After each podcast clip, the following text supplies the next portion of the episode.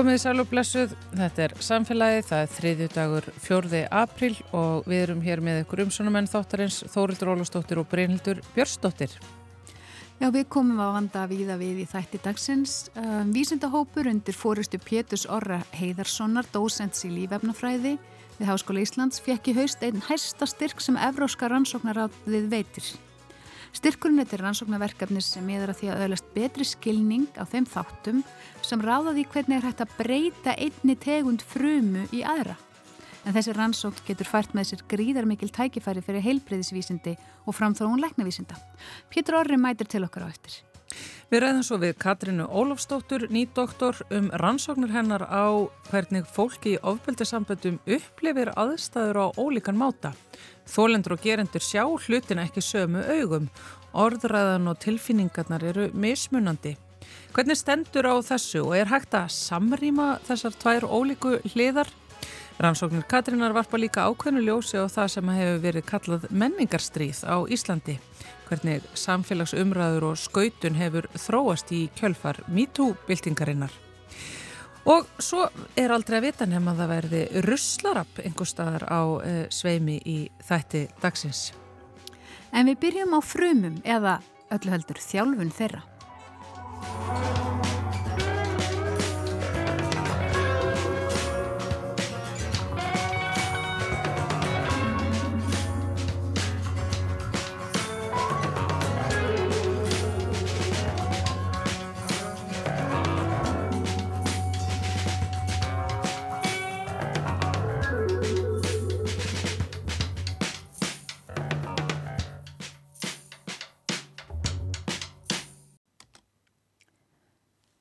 Vísindahópur undir stjórn Péturs Orra Heiðarssonar, dósents í lífefnafræði við Háskóla Íslands og stjórnarmanns lífvísindasetturs, fekk í haust 1,5 miljóna evrustyrk sem jafngildir 200 miljónum íslenska króna frá Evrópska rannsóknaráðinu til rannsóknarverkefnis sem miðar að því að eh, skoða hvernig hægt er að breyta einni tegunda frumu í aðra En þessi tækni veitir gríðarleg tækifæri við til dæmis greiningu sjúkdóma, tillífja þróunar og personubundina læknismeðferða. Eh, Vertu velkominn Pétur Orri í samfélagið. Segðu mér aðeins frá þessum rannsóknum sem að urði til þess að þið löndu þessum risa styrk frá Európska rannsóknaráðinu. Já, ég get sett þig frá því og það er svona kannski vandasatt hvar á að byrja. Ég er náttúrulega kannski, þetta byrjar þegar ég er að taka rannsóknir sem nýdoktor úti í, í Surik, í Sviss. Það sem við vorum að skoða prótein uh, samindir sem að, sem að raunverulega falla ekki undir svona hefbundnar skilgreiningar á próteinum voru svona óvenjulega einhverju leiti en, en, en samt eru þetta prótein sem að sem að raunverulega hafa komið meir og meir upp á yfirborði núna upp á síðkasti, kannski síðustu 15-20 ár sem að er svona sekundubrót á líftíma vísindana sko. Og um, það var kveikjana því að ég fór að skoða samindir umrutuna þetta sem að er í rauninni bara prótein sem að lesa erðamengi manna og hafa mikið að gera með, með hvernig arkitektúrunni hérna, genamengisins er að ég fór að skoða þessi prótið með þessum aðferðum sem ég lærði í, í Sviss. Og, og það vildi bara þannig til að, að þetta voru prótein sem að hafa og stu, sem spila líki hlutverk í um, endur forritun fruma. Og, og það er kannski mikilvægt að ég bakka eins og skýri hvað það er náttúrulega. Um, en sem sagt það má ég að segja að flestar, allar frumur í mönnum, við höfum alls konar típur af frumur, við höfum hjartafrumur og taugafrumur og, og hérna, stoppfrumur og allt mögulegt, að það eru forritaðar einhverju liti og forritunin er bara þannig að, að, að þær eru með í raunverulega mismunandi uh, hvernig erðamengi þeirra er lesið, allar frumunum er sama erðamengi En sumur hlutar eru lokaðir og aðri hlutar eru lesnir og það er mismunandi eftir hver típana frumun er hvaða hlutar eru lokaðir og hvaða hlutar eru lesnir. Þannig að til dæmis hjartafruma er þá bara með einhvers konar skipun í sér að, að við virkjum þá eiginleika sem gera hana hjartafrömu. Nákvæmlega og þá er það þannig að bara, ég hugsa alltaf um gena mikið einhvern veginn sem, sem bók sko, veist þannig að út með einhverja kapla í hjartafrömu sem eru lesnir og sem eru mikilvægir fyrir hjartafrömuna og aðri hlutar eru ekki mikilvægir fyrir þá frömu og þeim er bara að loka þannig að þeir kaplar eru einhvern veginn lestir og það var í rauninni, ég með það er ansið langt síðan að við áttuðum okkur á því að, að, að frumu sérhæfing, það er hvað fruma gerir, að það sé ekki óafturkvæmt er semst að þetta snúaði við. Og þetta var í kringu 1960 sem að um, það var John Gordon sem fekk sér Nobel-sölu núna nýlega á samt öðrum, ég skal fara eins út í það eftir vilt, að hann síndi bara að þú kannst tekið kjarna úr frumu sem að var búin að sérhafa sig og flutt bara þannig kjarna yfir í egg sem var búin að frjóka, þetta var froska egg. Og þá uh, varð úr eðlilega halakarta í rauninni, þannig að, að eggi frjókaðist og, og það fór í gang þetta froskaferli sem var algjörlega eðlilegt, sem þýtti það að kjarnin, jáfnveld þó að hann var uh, sérhæður, hann innheld allar þessar upplýsingar sem voru mikilvægar til þess að mynda allar aðrar frumur. Þannig að það verið kringu 1960 og, og svo gerist kannski eh, ekki svo mikið og ég verið að taka fram að ég er ekki frumulífræðingur þannig að það var ímislegt að gerist í frumulífræði á þessum tíma en ég er að nálgast þetta frá svolítið öðrum vinkli. En svo var það 2006 sem að það var hérna Yamanaka sem fekk líka Nobel-sölun 2012 með honum John Gordon sem syndi fram á að þú gast tekið húðfrömu og þú gast sett inn í þessu húðfrömu í gegnum ákvæmna aðferðir eh, sett af umrýtunarþáttum, nokkra umrýtunarþætti, fjögur prótein og þú gast allir því að hún sagt, endur forritaðist í stoppfrömu. Hún breytist úr húðfrömu í stoppfrömu. Og stoppfrumur eru það byggingarefni sem við byrjum með og síðan... Ná, hvaðlega, þannig síðan... þannig að þetta stoppfrumur myndast mjög snemma í þróskaferli lífera og, og það eru þær frumur sem að geta, sem að mynda grunninn á öllum öðrum frum, sem stoppfruma verður á hjartafrumu, tögafrumu, blóðfrumu, hvað sem að það er. Þannig að stoppfrumur eru rosalega hérna læknisfræðilega mikilvæg tól uh, á margan hátt fyrir okkur og að geta náði stoppfrumur og, og unni með stoppfrumur er ofsalega mikilvægt fyrir bæði rannsóknir í lífistum og, og sérstaklega fyrir læknisfræðina. Þannig að, að það að hafa uppgötta það að við getum í rauninni búið til stoppfrumur uh, hafði gríðarlega mikla þýðingu og hérna og sem sagt ef við tökum bara dæmi um hvað það er sem við getum gert með stoppfrumur, ég meina einfaldasta dæmi er kannski bara til dæmis um, við erum ákveðna frumur í líkamann sem geta ekki endur nýjað sig svo vel. Uh, eins og eflust margir þekkja taugafrumur eiga ekki svo öðvöld með að endur nýja sig. Þannig að ef það verður tauga skadi að þá lagar líka með sig ekki sjálfur. Þá ertu bara með eh, semst, frumur sem hafa dáið og það er ekki svo öðvöld að endur nýja tauga vefi þannig að ein pælingin er svo til dæmis að geta búið til þá nýjar taugafrumur og, og það er eitthvað sem við getum gert með þessum aðferðum með því að endur forrita húðfrumu til dæmis úr sjúklingnum sjálfum sem að díla við hennan hérna, taugaskada að nota hans eigir frumur og búa til tögafrumur uh, fyrir hann til þess að uh, laga einhvers konar skada sem eru átt sér stað. Þannig að það er svona einfaldasta sem maður getur hugsað sér. Sem væri þá afturkræfur og þannig að manneski sem hefði orðið fyrir tögaskada geti ég vel bara gengið eða, eða fengið eitthvað færni sem hún misti. Akkurat, alveg í svona bestu tilfellum þá væri það svona ídealt. Við erum ekki alveg komið þánga en það er vonin til að ef við náum alveg stjórna þessu ferli að þá getum við einmitt fara að gera það. Þannig að það er svona það sem er kannski auðvöldast að skilja. Hitt er síðan annar mál er að, er að það eru alls konar aðri möguleikar. Sanns að ef þú getur búið til stoppfrömmur þá ertu líka komið með módel fyrir okkur til að vinna með. Sanns að við getum farið til dæmis að, að, að, hérna, að leik, að þróa og rannsaka líf á grundvelli frumnana og, og ég veit ekki kannski eins og margirvittar að þá sagt, um, það er mjög personabundið og út frá genetíkinni þinni og við erum svo breytileg sem mannverður hvernig liv til dæmis virka á þig versus einhvern annan. Og það er rosalega erfitt fyrir lækna til þess að meta um, hvers konar, hvernig livjaskamt þú ert að fá, hvernig þú mynd bræðast við livjum og svo framvegis ef að þú ert veik. Og að geta notað stoppfrumöndan þínar, semst að geta tekið frumur frá þér og sem að hafa þína personlegu svona signature að geta að uh, skoða hvernig þær bregðast sjálfar við livjum eða við livjasköndum eða gert tilröðinu með liv á frumónuðinum þá erum við komið með svona personulega uh, læknameðferð sko, sem er algjörlega personulega fyrir þig og þannig getum við auðvöldlega fundið það sem hendar þér frekar en, en að, vera svolítið í blindni að, að gera eitthvað sem að, hérna, er svo breytilegt á milli, milli manna. Þetta er alveg magnað. ég er eiginlega bara, ég er að sjá svo marga möguleika í bara öllu mögulegu. Nefnilega, ég líka. Já, örglega, nákvæmlega. Hérna, eru allar frumur jafn gildar þegar kemur að því að, að, að segja, spóla þeim aftur niður í, í stoppfrumur?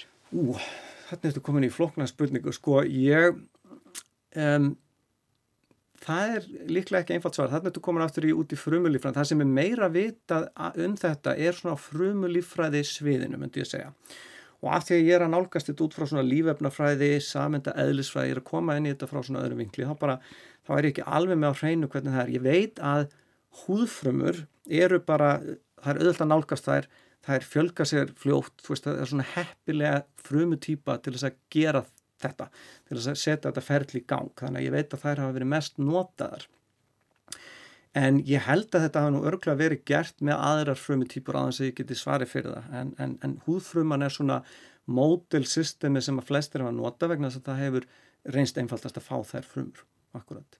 En það má kannski bæta því við hérna að, að sagt, ástæðan fyrir því að, að þetta er ekki bara orðin hluta veruleikanum og við getum notað þessa tækni bara og við erum með þetta hérna í hilsugjastluna að við bara búum til svona frumur er að það er alls konar vandræði sem við skiljum ekki og, og það er það sem að er raunverulega við erum að reyna að, að leggja eitthvað mörgum til um, og ástæðan fyrir því að við höfum ekki svona nægilega fyllilega stjórn á þessu er að við skiljum ekki sko samendalegu ferlana sem eiga sér stað þegar við setjum svona endurfórutun í gang og það veldur því að, að þegar maður byrjar hennar prósess, þú kannski byrjar hennar prósess að ætla endurfóruta húðfrumu og búa til stoppfrumu að þá er það rosalega óhagkvæmt. Þú tekur kannski hundra frumur og fimm að þeim endurforreitast. Hinnar fá krabbamenn eða hinnar bara deyja. Þannig að það er alls konar ferðlar og hlýðaverkani sem við skiljum ekki almennilega og, og grunnurinn af því er að við skiljum bara hreinlega ekki hvað samindalega er að gerast og það er sávingil sem við erum aðeins að koma inn í. Já, ég ætlaði með þetta að spyrja þig um hvað snúast rannsókninnar ykkar? Mm. Það er bara góð spurning. Hérna, sko, við komum nefnilega inn í þetta, eins og ég segi, frá svona svolítið lífefnarfræði, samindaðelsfræði vinkli. Þannig að við erum að skoða þessa svo kallu umröðuna þætti sem eru prótein um, sem að spila leiki hlutverk í þessu. Og endur forröðun sjálf er ferli sem að tekur langan tíma, tekur marga daga.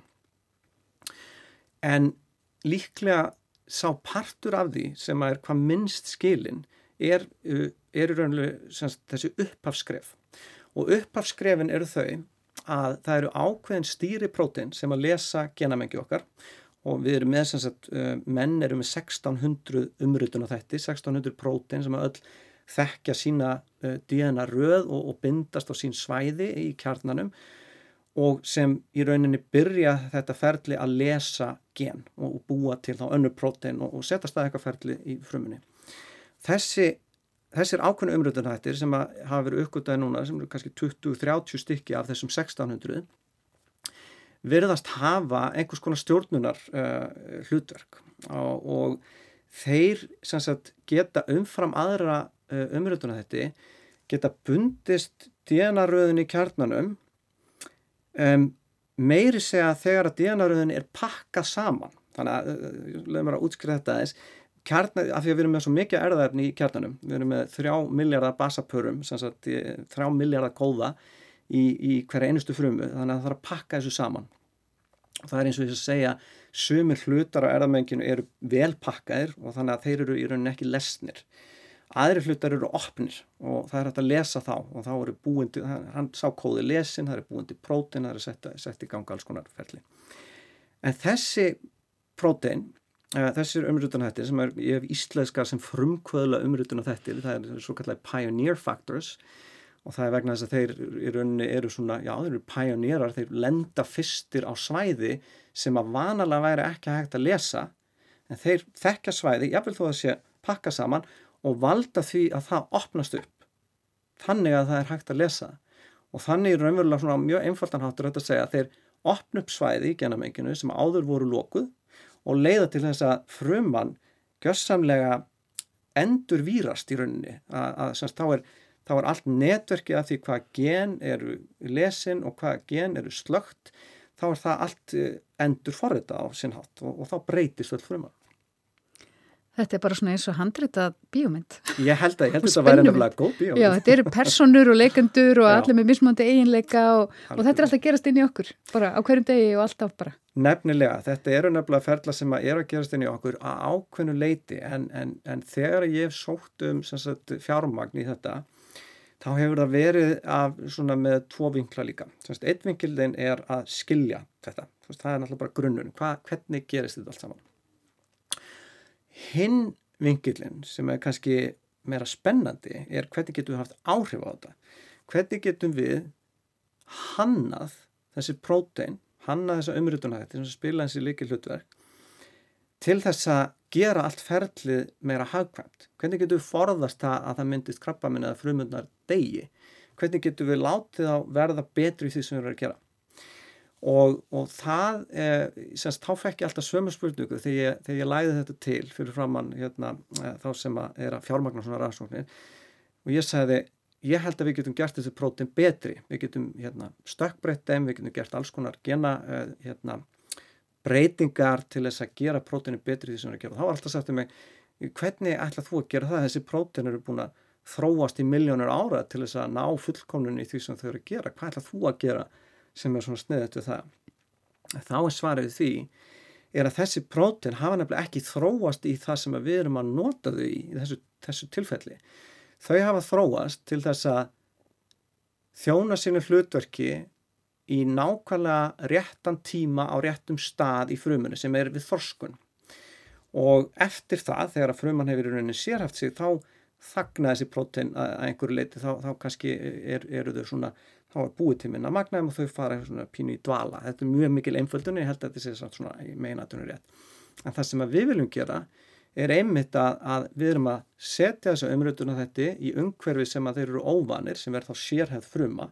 Þá erum við að setja þá í svona genamengis landslag sem þeir þekk ekki og við erum að byggja þá um að breyta landslæginu til þess að færa frumuna aftur í eitthvað annað form og þeir hafa ekki þróast til þess þannig að ég held að við getum, við getum nota þekkinguna sem við höfum til þess að reyna að búa til þessi prótein til þess að gera þennan feril betri og vonandi verður þá læknisfræðin getur fara að nota þessa ferla í, í meiri mæli. Já, þetta er svona frumuþjálfun. Þetta er svona frumuþjálfun, já, nákvæmlega að mála að segja þetta sem frumuþjálfun, akkurat. Þetta er alveg magna. Hérna, en eh, segð mér eins frá, uh, nú sem sagt fegstu þennan stóra styrk upp á hvað, 200 miljónir íslenskra króna. Uh, hvað hvernig, hvað gerist svo? Opnar þú þá bara rannsónastofu, ræður þér fólk og bara hefst handa? Já, eiginlega, sko, þetta er náttúrulega svona styrkur breytur hoslega miklu, við hefum verið heppið með fjármögnun hinga til og ég sem sett fluttu til Íslands 2019 eftir að hafa verið í Danmörku og Breitlandi og Sviss í mörg ár og uh, stopnaði hóp hérna, fekk uh, dósendstöðu í líföfnarfræði og byrjaði þá að, að dara við þessar hugmyndur og byrjaði að setja þetta í, í gang. Það tekir rosalega tíma þegar maður svona byrjar á nýjum verkefni og það tekur bara ofsalega tíma að, að hérna, setja í gang rannsóknarstöðu sem er að díla vinni í kerfi og svo kom COVID og neitt allt saman og þannig að það voru alls konar vandræði. En ég byrjaði einmitt að ráða, við ráðum mikið að nefnum og, og hérna, fólk sem er í doktorsnámi nýdoktorar og aðstofafólk um, í þessi, þessar rannsóknir.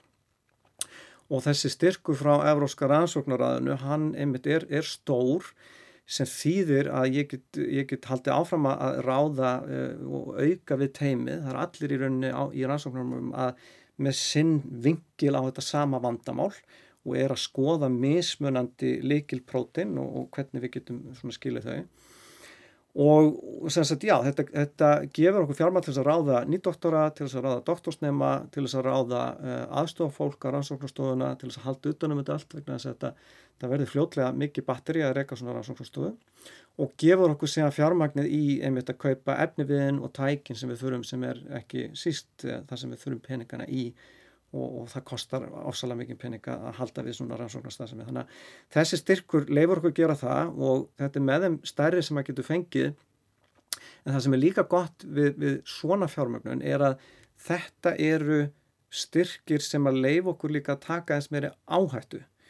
Og um, það þýðir að, að, að, að við getum farið að skoða kannski að einhverju leiti pínu brjálæðislegar hugmyndir. En það er ofta þær hugmyndir líka sem leiða til þessara til þessara, hvað maður segja, stökk í mannleiri þekkingu og það er ofsalega mikilvægt að rannsóknarhópa geti leift sér að gera það og landslægi er ekki alltaf þannig að þeir geti það en að fá svona styrki leifur okkur einhverju leiti að, að, að láta okkur dreyma pínu til þess að virkilega reyna að komast áfram með þessa, með þessa tekni. Og hvernig er svo að vænta nýðust það? Já, það er bara, það er allt, það er bara með þess að koma út núna, við erum að, hérna, við erum að vinna í, í mörgum greinum núna, þetta er ósalega spennandi og, og þetta hefur verið svona um, langur prósess þar sem við vorum að setja alltaf stað. Og núna sé ég einmitt að, að, hérna, að við erum að klára hinnar á þessa sögu, við erum hægt og rólega að taka þessi skref. En, en eins og ég segi þetta tekur ofsalan tíma og við tökum svona, svona hvað maður segja, baby steps svona allavega til að byrja með en við sjáum nú þegar að við erum að fara í rétta átt og tilgátturnar sem við hefum verið með sem, sem snúa svolítið teknilegum aðrið með þessi prótein að það reynast vera réttar og, og við erum að aflokkur samstarfs við ofsalega mikilvæga hópa sem að hafa verið á þessu sviði sem að líka eftir að gjörbreyta möguleikunum okkar til framtíðar að gera enþá meira úr þessu þannig að það eru rosalega spennandi tíma framöndan. Já, ég bara hlakka til að, hlakka til að fylgjast með þessu áfram. Um, Pétur Orri Heiðarsson, lífefnafræðingur og frumuþjálfari, takk fyrir komuna í samfélagi. Hvað er að hvita ský? Hvað er að það glimár?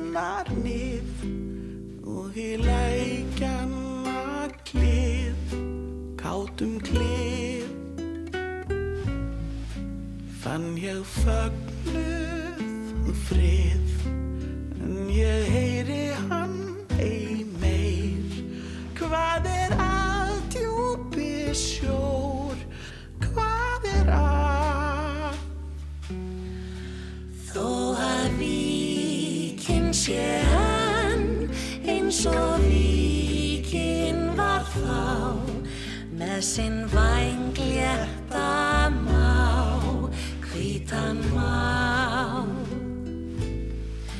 Eins og sylfur að sjá það samt gleður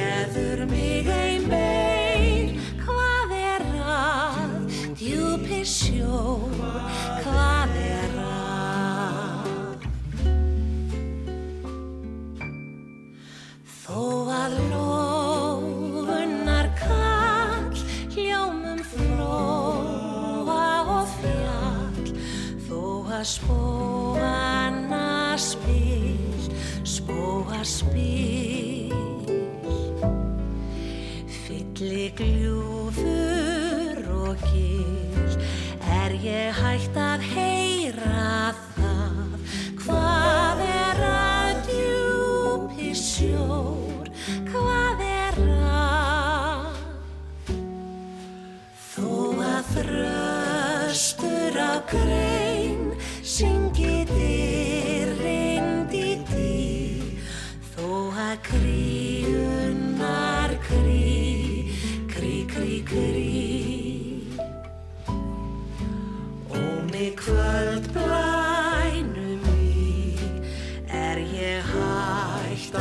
hlusta á það. Hvað er að djúpi sjó? Hvað er að Þarna heyrðum við uppáhællingarna sem eru Stengrimur Tík, Andri Ólafsson og Raugmaldur Borgþórsson. Flytja lagi Hvað er að eftir Jón Múla og Jónas Árnarsinni og með þeim söng Sigriður Torlasíus Hjá mér setur Katrín Ólafsdóttir, hún er ný doktor við mentavísendasveið hjá Háskóla Íslands og Katrín hefur uh, gert rannsóknir á uh, kynferðsofbeldi og uh, gerendum og þólendum sem að koma að þessum erfiðu málum og rættum þetta hérna hjá okkur í samfélaginu áður, doktorsverkefnið þitt, sælvertu Katrín. Sæl, takk fyrir að hýtta mig. Við erum að fá þið núna til þess að einbínlína álega ákveðin hluta doktorsverkefni þins sem að er þessi svona orðuræða og tilfinningar sem að byrtast í annars vegar frásögnum gerenda og hins vegar uh, þólenda ofbeldis í nánum samböndum uh, í þessum kemfyrirsafbróta málum öllum og, og heimilsofbeldis málum. Uh, þetta er svona aðteglisverð, þetta er aðteglisverð stúdía svona, og kannski speklast svolítið mikið í samfélagsumræðinni í dag, bara Já. í orðuræðinni. Þannig að ef þú vildir vera svo væna að fara þessi yfir, hvað snýrist þessi hluti rannsóknar þennar um og hvaða línur er að byrtast? Já, sko í þessum hluta uh, rannsóknarinnar þá var ég að skoða í rauninni ólíka upplifun annars vegar þólenda og hins vegar gerenda mm -hmm. af því að vera í áðbeldi sambandi. Já. og hérna og ég er svona að rína í það hvernig uh, þessir þáttakandur í rauninni byggja sinn skilning á bæði hvað er samband og hvað ofbeldi er og er þá svona að horfa á það með veist, hvaða hugmyndir eru í gangi í samfélaginu sem að við erum að máta okkur við og það er leiðandi náttúrulega að hafa áhrif á það hvernig við skiljum hvað hefur gengið á Já. og svo þá hvaða tilfinningar vakna með viðkomandi þegar að við erum í rauninni svona að líta tilbaka og reyna að átt okkur á okkar reynslu og þá náttúrulega kemur í ljós að sem að kannski er ekkert nýsa þannig uh, en það er náttúrulega við skiljum þessa hluti og svo ótrúlega ólíkan máta þólendur og gerendur skilja ofbeldi í grunninn á mjög ólíkan máta Já. og þetta vekur með þeim ólíkar tilfinningar uh, vegna þess kannski þau hafa aðganga ólíkum með mitt orðræðum, hugmyndum. Þú veist, það er öðruvísi stormurinn sem að, að bylur á sko þólendum og gerendum á, á kynjunum og svo framvegð sko. Já, já, þannig að félagsmótunin og allt þetta kemur inn í þetta. Já, og svona emil, bara svona okkar venningarlega umhverfi. Já, akkurat. Og þá sko þótti mér svo hérna uh, áhugavert í þessu, sko, þetta, að skoða þetta út frá þessari tilfinningarlið gaf mér svona insýn inn í kannski þessar hliðar sem við erum ekkert alltaf að tala um. Það er að segja hvernig við einmitt hérna mótumst af hugmyndum um eins og til dæmis ást, hugmyndum um sambönd, hugmyndum um virðingu og svo framvegis og hvernig þetta í rauninni mótar það hvernig við skiljum bara sambandið sem einhvers konar svona einingu ah. sem við í rauninni samt í okkur samfélagi erum alltaf að reyna að komast inn í Já. en svo upplifum við þetta svo ólíkt eftir því hver okkar félagslega staða er mm. þannig að ég fór svona að, að í rauninni að reyna skoða hvað það er sem að, þáttakendur voru að máta sig við og miða sína reynslu við mm. og þá hérna náttúrulega kemur ljós þegar við lítum, eða þegar, þegar mínir þáttakendur litur tilbaka að, að þá náttúrulega í upphafi sjá allir eitthvað samband sem að, að, að hérna ætti að byggjast á ást. En þegar þú ert komin út úr sambandi sem að síðar var auðbeldissamband og þú horfið tilbaka á mm. þessi frum steg þar sem, sem ættu að einkennast, sangand okkar samfélagslegu hugmyndum, já, já. ættu að einkennast af ást, þá er það líklæra að gerandi til dæmis horfið tilbaka og uh, einmitt tali um þá miklu ást sem var í sambandinu. Já. á meðan þólandin er líkleri til þess að setja spurningamerki við það hvort að þetta hafi í raun verið ást. Þólendur eru kannski líkleri til þess að fara að leita að einhvers konar rauðum flöggum, eitthvað sem þeim yfirsást, Já. eitthvað sem þeir hefðu geta átt að segja á frá byrju. Ég hefðu þetta að stoppa þarna, ég hefðu þetta að staldra við þarna. E- Já, emitt, emitt. ég hefðu þetta eitthvað meina að fara. Uh, en Á, sko, en, en þetta er líka við hugsaum um, þú veist, af hverju gerist þetta? Jú, þólandi er náttúrulega reyna að hugsa sko hvað gerðist, hvað klikkaði ég, af hverju sá ég þetta ekki en, en gerandin er einhvern veginn að reyna átt að segja á sko og kannski skýra frá því að einhver staðar var grunntilfinningin ást að því að viðkomandi er mannlegur og svo já. breytist þetta í eitthvað annað sem við kannski í dag tölum um sem skrimslahauðun. Já, já, einmitt. Þetta er líka þetta að tengja sig inn í einhverju hugmyndir um það hvernig uh, samfélagið síðan uh, les sko, það sem að býður við hinn endan þegar allt er öllu lokið og sambandinu er lokið Já, þegar við förum í að upprifinu og skoða þetta Já, já. í samingi veld Í samingi veld og þá kannski að sama ef við síðan, ef, svo þegar við, þegar, þegar við erum svona kannski, þannig ég greinir svolítið í þessum fösum sko, fyrst eru þau að gera upp ástina svo faraðu að gera upp eða mínir þáttaköldur að gera upp ofbeldið. Og þá er það sama sko, gerandin fyrir svolítið í þetta, þú veist, af hverju gerði ég þetta hvað, þú veist, hvað, hvað gerir það verkum að ég beiti ofbeldi og þá fyrir við svolítið að skoða staðalmyndir og þá er kannski grepið í, þú veist, hluti eins og, og hérna eins og við kannski þekkjum úr umræðinu hlutir eins og að það séu einhver fyrir áföll til staðar Einmitt. eða hluti eins og þetta hafi verið stormasamt samband, þið veitir, alls konar svona, svona hluti svona frasar sem við þekkjum úr umræðinni sem einhvers konar útskýringu á því að ofbeldi hafi geta átt sér stað. Já. Á sama tíma þá eru kannski þólendinir að horfa tilbaka á þetta ofbeldisamband og þau eru í raunin að endur meta uh, sína reynslu að því að hafa verið í þessu sambandi að því leiti þurfa átt að segja á því að það er ekki bara þessi einstöku atvik sem að er hægt að stoppa við og kannski segja þessu jafnvel óluleg sem að mætti kalla ofbeldi heldur hafi þetta verið í rauninni allt sagt bara einhver, einhver stór ofbeldisfasi, það hafi verið kynferðisofbeldi, það hafi verið andleitt ofbeldi, þannig að það, hérna, þetta voru sem sagt konur sem ég talaði við og þær eru lítið tilbaka og þær eru raun að sjá að ofbeldið er miklu meira heldur en kannski eitt atvik, eitt atvik. en gerendur náttúrulega gætnan stoppa við einstök atvik sem jafnan eru, eru þá ólöguleg en eiga kannski erfiðara með að skilja og segja og afsaka þau atvik. Ég var undir miklu álega í vinnunni, ég var búin að drekka ég kem frá brotnu heimili ah, hún var búin að vera að atast í mér e, allt þetta sko. Já, já, já. við, við þekkjum þetta líka. Já, akkurat, en á sama tíma eru þá kannski svolítið að afskrifa,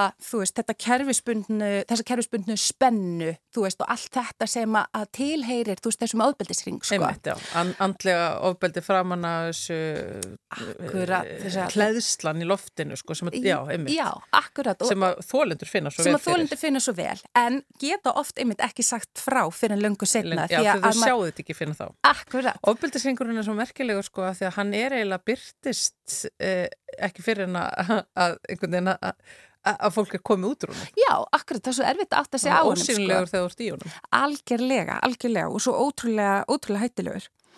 Um, og svo er svo áhugavert sko, svo þegar einstaklingarnir eru þá komnir út úr sambandinu og það, sko, þá, það var svona kannski þriðja fasin, hvað gerist svo? Þá er það einmitt þetta, þú veist að þá fara gerendur náttúrulega sko að skoða e, sínar gjörðir og kannski líta í eigin barm. Og þá hérna fyrir af stað þessi vinna sko eða þessi hugsun, hvernig get ég bætt mig þú veist, ég er ekki skrimsli þannig að nú hvað get ég gert til þess að sína ég sé ekki skrimsli mm -hmm.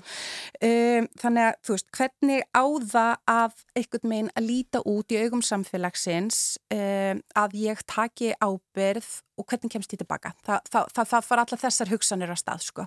ja. hvernig einhvern meginn get ég sagt skilið við þetta ofbeldi eða allavega þessa, uh, þessa hugmynd fólks um mig sem sem hérna einstakling sem beitir ofbeldi. Hvernig kemst þið tilbaka í samfélagið Hvernig kemst þið tilbaka, já, akkurat.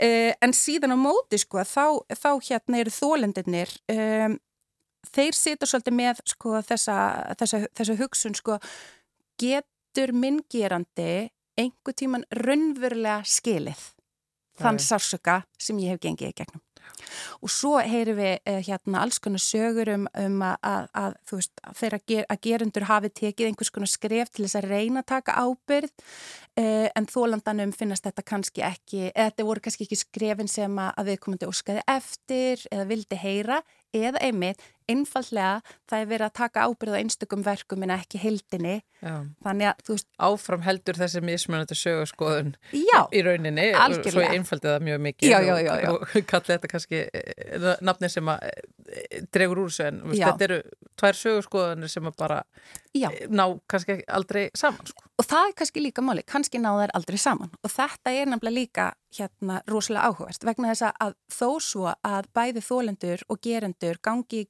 gegnum að einhver leiti tilfinningar sem við getum sett á sömu nöfn þá hafa þessar tilfinningar rosalega ólík áhrif á okkur eftir því þú veist hver okkar samfélagslega staða er.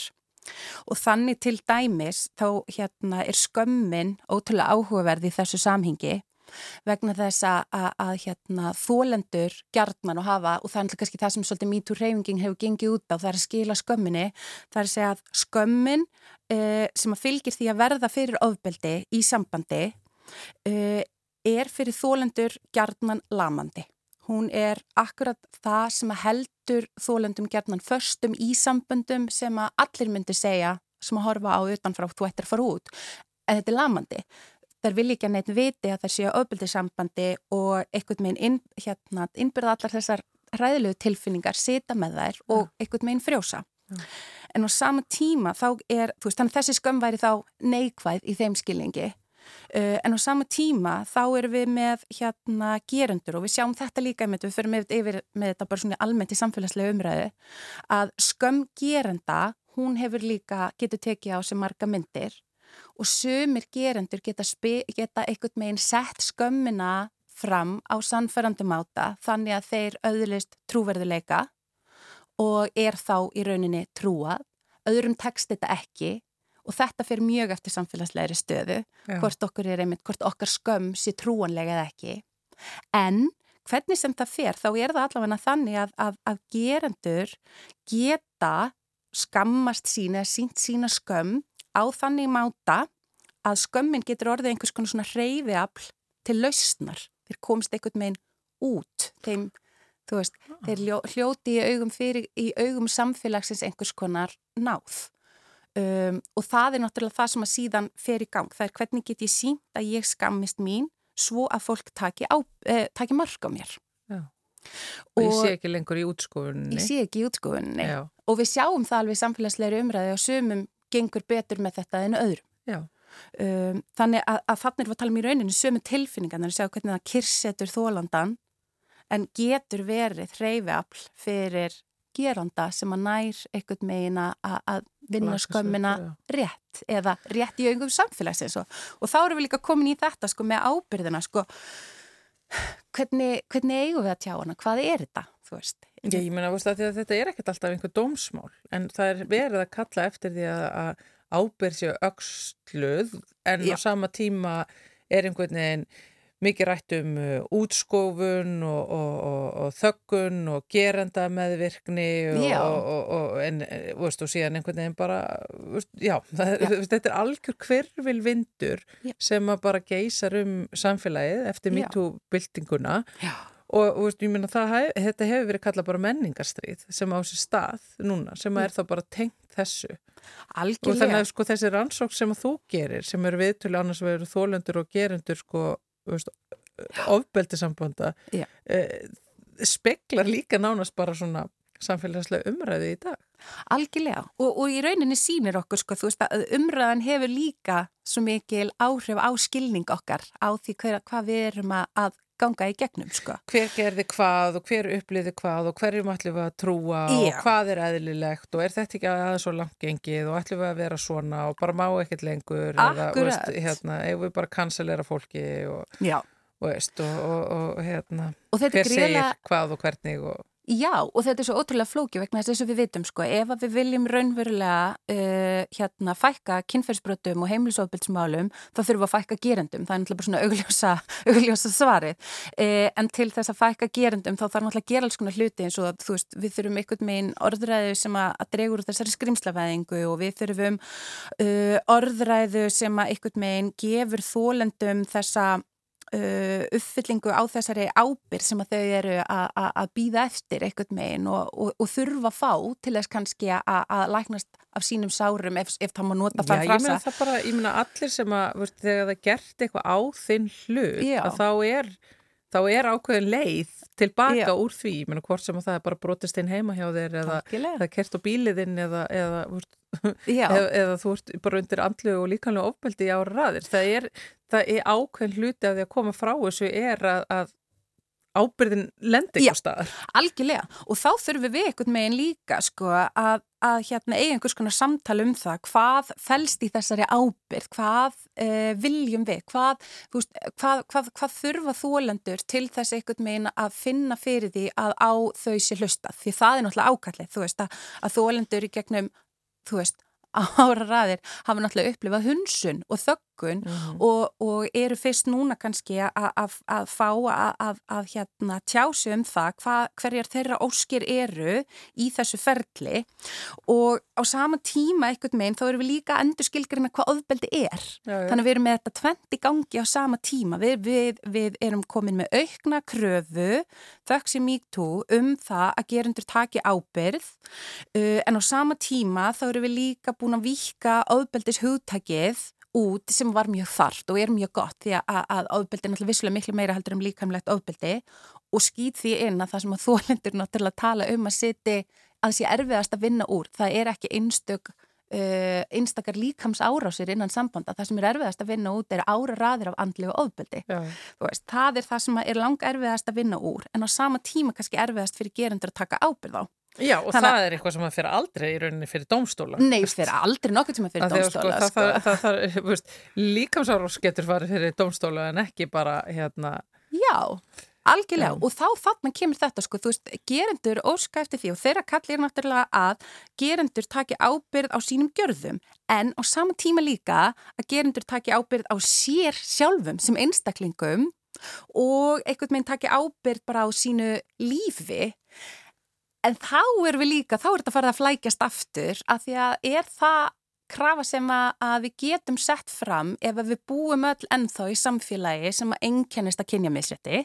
Mm. Veist, við búum ennþá í samfélagi sem við, við tengjum við feðraveldis hugtækið þar sem að, að, að hérna, völdunum er ekki jafnskipt.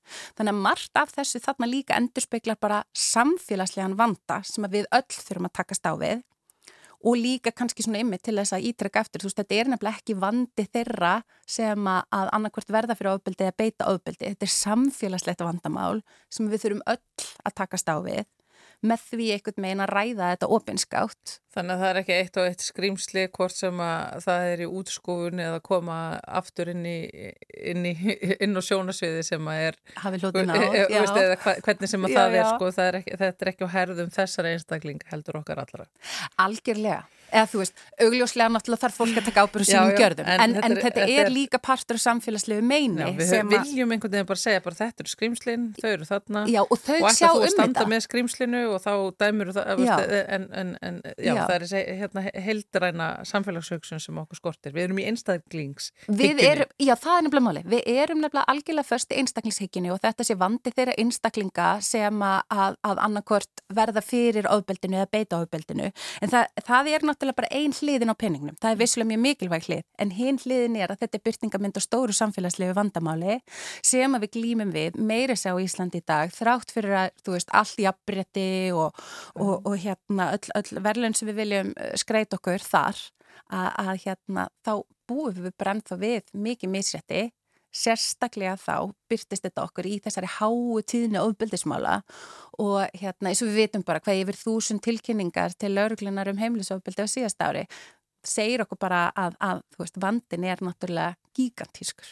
Já, þannig að þetta er veist, á, ákveður svona samfélagsvandi, menningavandi og afkvæmi þessa vanda sem eru þó þessir einstöku gerendur eru veist, eru ekki skrýmsli og með ekki upplifa sér sem skrýmsli og verða eiga aðgang að einhverju úrvinnslu og aðstóð frá sinni hegðun sem er, er, er, er félagsmótuð. Já, já, akkurat, þú veist, hún er náttúrulega, þú veist, að við vitum það, hún er náttúrulega bara mjög miklu leiti félagsmótuð. Fæðist ekki tómarúnmi. Fæðist náttúrulega engi, eh, alls ekki og, og hérna, og einhvern megin verði við, þú veist, að, að ef við ætlum að uh, draga úr þessum vanda, ef við ætlum að fækka gerendum þá, þá þarf að vera einmitt einhver ákjósuleg leið til þess að taka ábyrð á sínum, uh, sínum málum og einhvern veginn sjá einhvern hag í því. Hagurinn náttúrulega ætti fyrst og fremst að vera væntalega bara þitt betra líf, að þið þér væntalega líður betur, myndi ég að halda. En á sama tíma þá er náttúrulega líka ef við hugsaum um þetta sko frá hinni hliðinni það er rúslega flókið að trúa því að einhver sé bata uh, þegar einhver segist fyrst elska þig og beiti þig svo öfbeldi þannig að það er mjög rúslega flókið ferli. Og hvernig tristur aftur já. trúur aftur já. akkurat, þannig í rauninni sko þú veist Það er náttúrulega engin auðveld stöður, það eina sem er eru bara endalust grátt svæði. Eins og sæður á hann, það eru er, er, er meiri sér líkur á því að veist, fólk muni enda á sömu blaðsjöunni, jafnverð þó svo að það fari gegnum alla vinnuna og flettingarnar. Og, Algjörlega vegna þess að... Þannig að þá muni við sem samfélag ekki einu sinni mögulega lenda úr þessum stormi Nei. en við getum hins vegar kannski aðeins læktan. Við getum læktan og, og við náttúrulega líka hljótum að allavega vilja trúa því og vilja vinna því í saminningu að við færumst nær markmiðinu sem að væri, þú veist, í jafnara samfélag e, minna auðbeldi mm. e, og vonandi komist við þangað en, en e, þú veist þessi polarisering, þetta, þessi svartkvítu hugsun og það sé til eitthvað sem er algott og alvond, eitthvað sem komist fyrir í stafabilinu á Twitter, þú veist, hún er ekkert að skila okkur neinu. Hún náttúrulega býr til mjög einfalda afstöðu og við þurfum oft einfalda afstöðu til þess að kýla einhvern meginn batterið áfram, til þess að kýla kannski baráttuna áfram, það getur stundum verið gott, en á sama tíma ef við ætlum raunverulega að stoppa og breyta einhverju þá þurfum við átt okkur á að núansatnir eru endalöysir og ég held við munum aldrei þólendur og gerundur upplega hlutina nákvæmlega eins eða eins og segir bara, veist, við munum kannski ekki enda á sama stað sem samfélag, við verðum ekki 100% sammála mm. en mögulega kannski nærði Já, já. En neymitt, ég finn það bara eftir þetta spjallokkar Katrín að það er hérna, það að hugsa og velta flutunum fyrir sér og þessu gráasvæðinu og milli svart og hvita, það tekur á þetta er, þetta er æfing, það er þetta er æfing. og, þa og wow. það, er bara, það er óþægilegt já, já. og það er virkilega óþægilegt já. en þar þurfum við svolítið að dvelja ef við ætlum að komast eitthvað áfram með þessa umræðu Áfram veginn. Katrín Ólustóttir, takk hérlega fyrir að setjast þetta niður í þessar pælingar með okkur í, í samfélaginu uh, nýdoktor á mentavísindasviði Háskóli Íslands. Takk fyrir mig.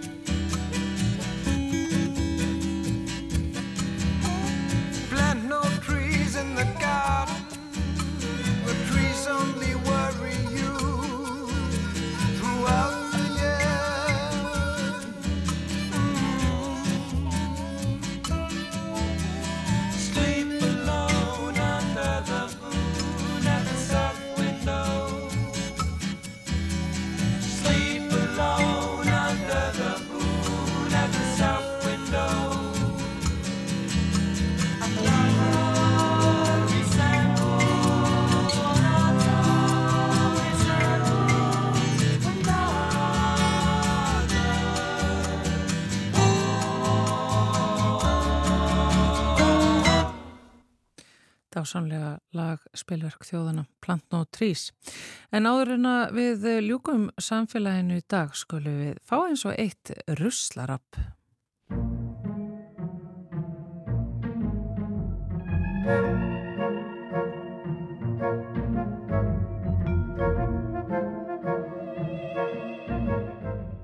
Ruslarappið með Eiriki Erni Þorstensinni sérfræðingi í fræðslu og miðlun hjá Sorpu komið af stað Eirikur er sestur hérna hjá okkur og við ætlum að taka fyrir eh, spurningu frá hlustenda sem að sendi til okkar eh, fyrir spurn um hvaðan eigi að gera við kort eins og greiðslukort. Já, alveg rétt. Þessi kort eru að mestu úr plasti en þá, þá mismöndi plastegundum uh, og það er ekki endurvinnilegt.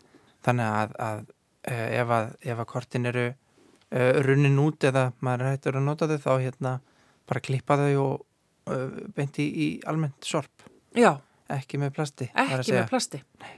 Nei, og þetta er náttúrulega alls konar kort, þetta eru bæði kreditkort og gömul sundkort og skíðakort og allt þetta, þetta fyrir bara allt í, í, í almenna. Einmitt, og svo einn vonandi er, erum við ekki bara að hætta að nota þetta, nota minna af þessu. Þetta fyrir flest allt í, í síman Já, já, einmitt. Svo er það þannig að, að með ímislegt sem að við eigum eitthvað sem að við erum að losa okkur við kannski, það er alveg til endurvinnslu farveru fyrir þetta eins og uh, hérna uh, kortin eða, eða, eða geisladiskar eða eitthvað stíkt en, en þá þyrftum við alveg að sapna þessu sér og, og hérna það er bara svo lítið af þessu, þetta er bara hluti af, af uh, svo miklu stærra samingi þannig að við erum minnum ekki að gera, gera það Mm. þannig að þá fyrir þetta frekar með almenna sorpinu. Já, og það er náttúrulega fæst heimili það sem að sapnast til mikið magna kreditkortum og, og öðru slíku. Já og þá þurftu líka náttúrulega mótugöðalegnir að vera með sér fyrir uh, kreditkort Já,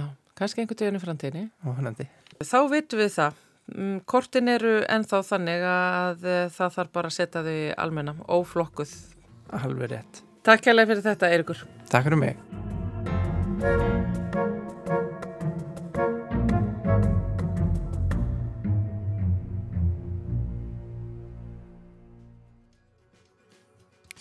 Já, eitt ruslarab hér í lok þáttar uh, og þannig ljúku við mitt samfélaginu í dag. En uh, við Brynildur Björnsdóttir og Þórildur Ólastóttir komum samt alltaf aftur. Komum alltaf aftur og einnig á morgun. Já, klukkan eitt, sami Klukkan tími. Já, og heyrumst þá. Veriði sæl, kæru hlustendur.